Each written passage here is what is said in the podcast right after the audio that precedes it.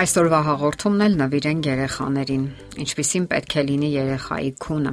Քունը շատ կարևոր է երեխաների առողջության համար։ Երեխաները՝ ի տարբերություն մեծահասակների, ավելի հանգիստ ու խոր են քնում, որովհետև ազատ են հիմնախնդիրներից, սթրեսներից, սոցիալական կարծրատիպերից, եւ այդ պատճառով նրանց քունը ավելի մոտ է օրգանիզմի բնական պահանջմունքներին։ Վատ քունը կարող է ոչ միայն խախտել երեխայի ֆիզիկական եւ հոգեբանական զարգացումը,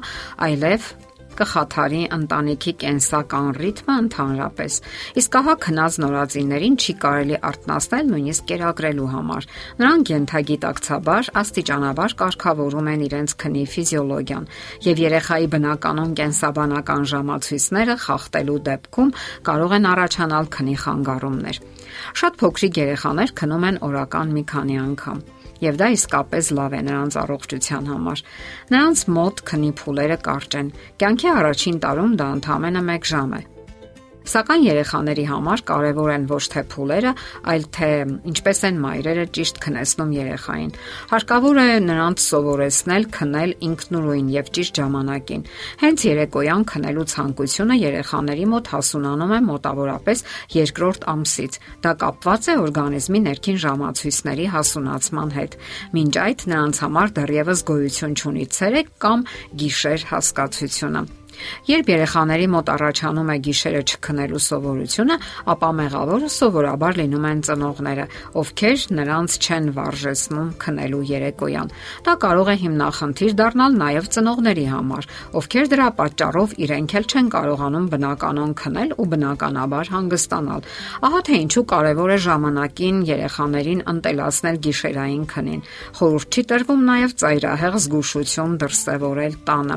Երեխային չարտնա բարձրացնելու համար։ Շատ ծնողներ ոդքերի թաթերի վրա են ման գալիս տանը, բացարձակապես ոչ մի ձայն չեն հանում։ Այդ դեպքում երեխան սովորում է քնել ստերիլ պայմաններում եւ կարող է արթնանալ ամենափոքրիկ շշուկից անգամ։ Եվ միևնույն ժամանակ երեխան արագ ընտելանում է տնային սովորական ձայներին ներքո քնելուն եւ որքան արագ ընտելացնեք նրան այդպես քնելուն, այնքան ավելի լավ կլինի ընտանիքի բոլոր անդամների համար։ Երբ երեխան փոքր է, քնեցնելուց առաջ հարկավոր է համոզել, որ նա լավ կերակրվել է։ Երեկոյան նրան կերակրեք խաղաղ եւ հանգիստ պայմաններում։ Լուսավորությունը թող լինի աղոտ, իսկ շփումը երեխայի հետ հասցրեք նվազագույնի։ Եվ ընդհակառակը, ցերեկային կերակրումը պետք է լինի գրգռող։ Ցանկալի է բարձրաձայն զրուցել, ծիծաղել, երգել կամ խաղալ փոքրիկի հետ։ Երբ երեխան բավականաչափ մեծ է, նրան թե քնելուց առաջ եւ նույնիսկ ընդհանրապես չի կարելի տալ գրգռիչ ըմպելիքներ, թեյ, կակաո եւ այլն։ Կարևոր է նաեւ նրան քնեցնել նույն ժամերին, սովորեցնել որոշակի կարգապահության։ Ավելի հասուն երեխաներին խորհուրդ չի տրվում քնելուց առաջ նստել հեռուստացույցի առջև կամ քաղցրավենիք օգտագործել եւ ոչ էլ նրանց կաշառեք քնելու համար, որովհետեւ շատ արագ նրանք կսովորեն դրան։ Իսկ ինչ մնում է քնի խանգարումներին, ապա հարկավոր է մասնագիտական բուժ զննում։ Չի կարելի մտածել, թե ամեն ինչ ժամանակի ընթացքում ինքն իրեն կանցնի։ Այդ հիմնախնդիրները կարող են լինել անքնությունը, քնի տարբեր խանգարումները, խռմփոցը եւ այլն։ Մեկ այլ հիմնախնդիր է, երբ երեխան չի ցանկանում քնել առանձին։ Ասենք նա արդեն դպրոց է գնում, սակայն ցանկանում է դեռևս քնել ծնողների հետ։ Մասնագետները խորհուրդ են տալիս վճռականապես նրան սովորեցնել ինքնուրույն քնելուն, որովհետև ինքնուրույն քնելը զարգացման համար կարևոր պայման է։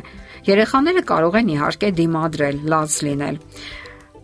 Այդ դեպքում ծնողները պետք չէ որ զիջեն։ Միայնակ մնալ նշանակում է միայնակ մնալ սեփական մտքերի, սեփական ապրումների, ֆանտազիաների, վախերի եւ հիմնախնդիրների հետ։ Սակայն դա զարգացման անհրաժեշտ պայմաններից մեկն է, որտեղ ծնողները կարող են պարզապես օգնել եւ ուղղորդել երեխային։ Պետք է երեխային սովորեցնել, որ նա ինքնուրույն հաղթահարի սեփական անհանգստությունները, ինքնուրույն ելք գտնի դժվար իրավիճակներից, ստեղծի իր կենսական հարմարավետ տարածքը։ Մյուս կողմից, սովորելով քնել ծնողների հետ, երեխաները կամա թե ակամա սկսում են վերահսկել ծնողների վարքագիծը, անկամ նրանց ասելով, թե որտեղ պետք է քնեն ծնողները եւ որտեղ իրենք։